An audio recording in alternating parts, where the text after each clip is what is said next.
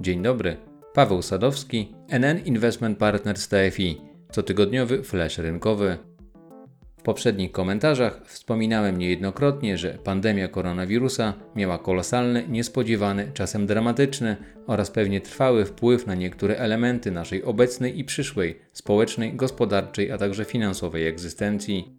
Jednym z elementów tej nowej ogólnospołecznej rzeczywistości okazała się być fala rozwodów. Według ekspertów zajmujących się zawodowo tą tematyką, to pandemia COVID-19 przyspieszyła rozstania mniej więcej o dwa lata. Aktualnie z kumulacją rozwodów zmagają się m.in. Chiny, USA, Belgia, Hiszpania, Niemcy czy Portugalia. O ile na przykład w Hiszpanii małżeństwo można zakończyć w ekspresowym tempie, czyli nawet w 24 godziny, to już w Chinach trwa to zdecydowanie dłużej. W 2020 roku w państwie środka składano tak dużo wniosków rozwodowych, że już w kwietniu w urzędach obowiązywał ich dzienny limit.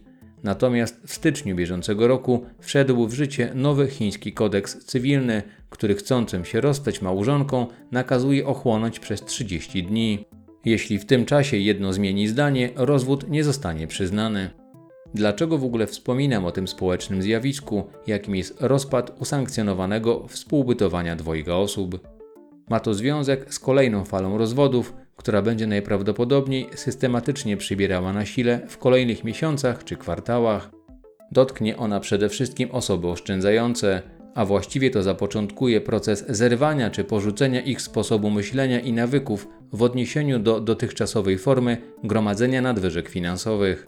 Decydujący wpływ na tę zmianę ma poziom ujemnej realnej stopy procentowej, która sprawia, że lokowanie aktywów za pośrednictwem najbardziej bezpiecznych instrumentów rynku finansowego przynosi stratę. Na tę chwilę nic nie wskazuje na to, abyśmy mogli zakładać, że poziom inflacji spadnie, a stopy procentowe zostaną podniesione. Z wypowiedzi Kamila Zubelewicza, członka Rady Polityki Pieniężnej, wynika, że szanse na podwyżki stóp procentowych w Polsce są w najbliższym czasie zerowe a RPP zareagowałaby dopiero, jeśli w projekcji inflacji w horyzoncie pełnych dwóch lat pojawi się ryzyko wzrostu cen powyżej 4% w skali roku. Niższe tempo przewidywanego wzrostu cen lub krótszy okres odchyleń od celu zostanie zinterpretowany przez RPP jako przejściowy. Jeżeli chodzi o prognozowany poziom średniorocznej inflacji w 2021 roku, to z badania przeprowadzonego przez Narodowy Bank Polski wśród 23 analityków w okresie 18 grudnia ubiegłego roku 11 stycznia bieżącego roku wynika, że ceny wzrosną o 2,5%. Gdyby te prognozy znalazły odzwierciedlenie w rzeczywistości, a stopa referencyjna pozostałaby na dotychczasowym poziomie, to realna stopa procentowa przyjęłaby wartość minus 2,4%. Przy realizacji takiego scenariusza, to w portfelu osoby, która chciałaby jedynie ochronić swoje oszczędności przed postępującym spadkiem siły nabywczej pieniądza, powinien znaleźć się produkt, który na przestrzeni 2021 roku wygenerowałby stopę zwrotu na poziomie plus 2,4%. Dopiero stopa zwrotu powyżej tej wartości dawałaby szansę na realny zarobek.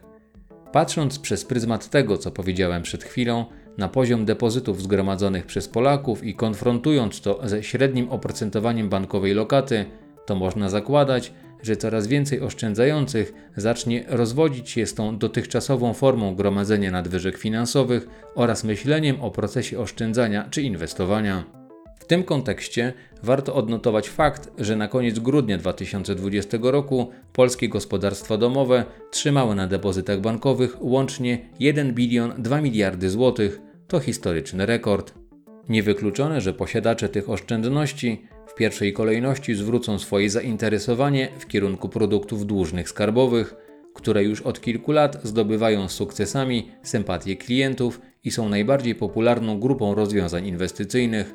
Przy tej okazji warto powtórzyć, że istnieje niewielkie prawdopodobieństwo tego, aby ta wspomniana grupa produktów zdołała w bieżącym roku ponowić zeszłoroczne rewelacyjne wyniki. Dlaczego? Ma to związek z poziomem dochodowości obligacji skarbowych. Na koniec 2020 roku 80% globalnego rynku obligacji miało rentowność poniżej 2%. Dodatkowo aż 24% papierów skarbowych miało rentowność ujemną. Jeżeli chodzi o średnią przychodowość 10-letnich obligacji skarbowych polskiego rządu, to obecnie zawiera się ona w przedziale 1,15 do 1,2%. W takim środowisku można spodziewać się, że fundusze polskich obligacji przyniosą nominalny zysk.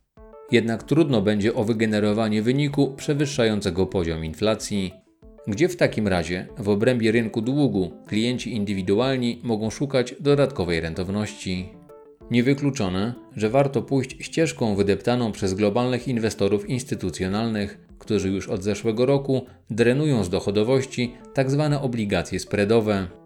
Należy przy tej okazji zaznaczyć, że inwestycja w tego typu obligacje wiąże się z większym ryzykiem niż inwestycja np. w polskie papiery skarbowe.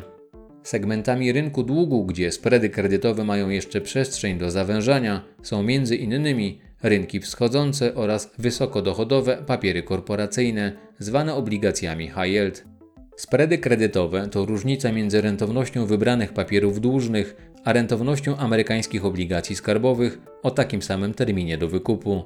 W przypadku papierów skarbowych z rynków wschodzących to również waluty poza rentownością obligacji są istotnym elementem oddziałującym na stopę zwrotu z takiej inwestycji.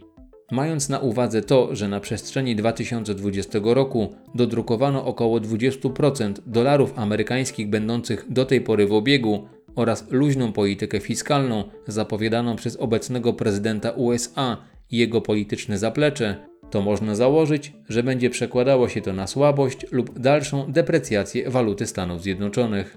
Ze względu na to, że duża część długu krajów rozwijających się denominowana jest w dolarze, to osłabienie tej głównej waluty rezerwowej świata powinno wpłynąć na umocnienie się walut z rynków wschodzących. Jeżeli chodzi o naszą ofertę produktową, to zysku ze spreadów poszukują dwa fundusze, a mianowicie NN Globalny Długu Korporacyjnego oraz NN Obligacje Rynków Wschodzących Waluta Lokalna. To tyle na dzisiaj i do usłyszenia.